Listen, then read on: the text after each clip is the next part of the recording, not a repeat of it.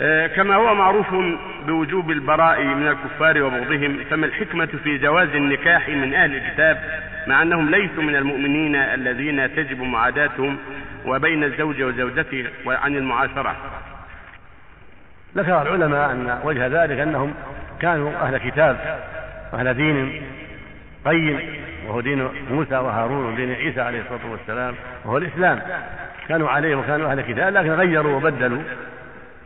فكفروا بذلك وكفروا بعدم إيمانهم بمحمد عليه الصلاة والسلام فلما كان عندهم أصل كتاب التوراة وأصل الإنجيل وكانوا أصل, أهل دين يغالون عليه بزعمهم ويعادون عليه بزعمهم ويدعون إليه بزعمهم شرع الله جل وعلا وأباح لعباده جواز نكاح المحصنات منهم النساء المحصنات العفيفات المعروفات بالعفة والبعد عن الفساد.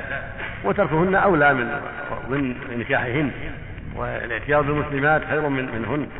ولكن هذا مجرد إباحة.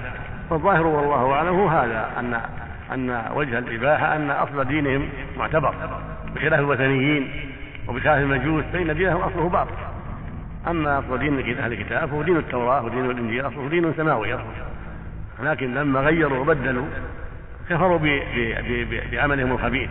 ولما بعث الله محمدا صلى الله عليه وسلم وكفروا به كذلك صاروا كفارا بذلك. وهكذا لما بعث الله عيسى وأوحى إليه وأنكره اليهود كفروا بذلك أيضا. لكن بقي أصل دينهم موجود. نعم.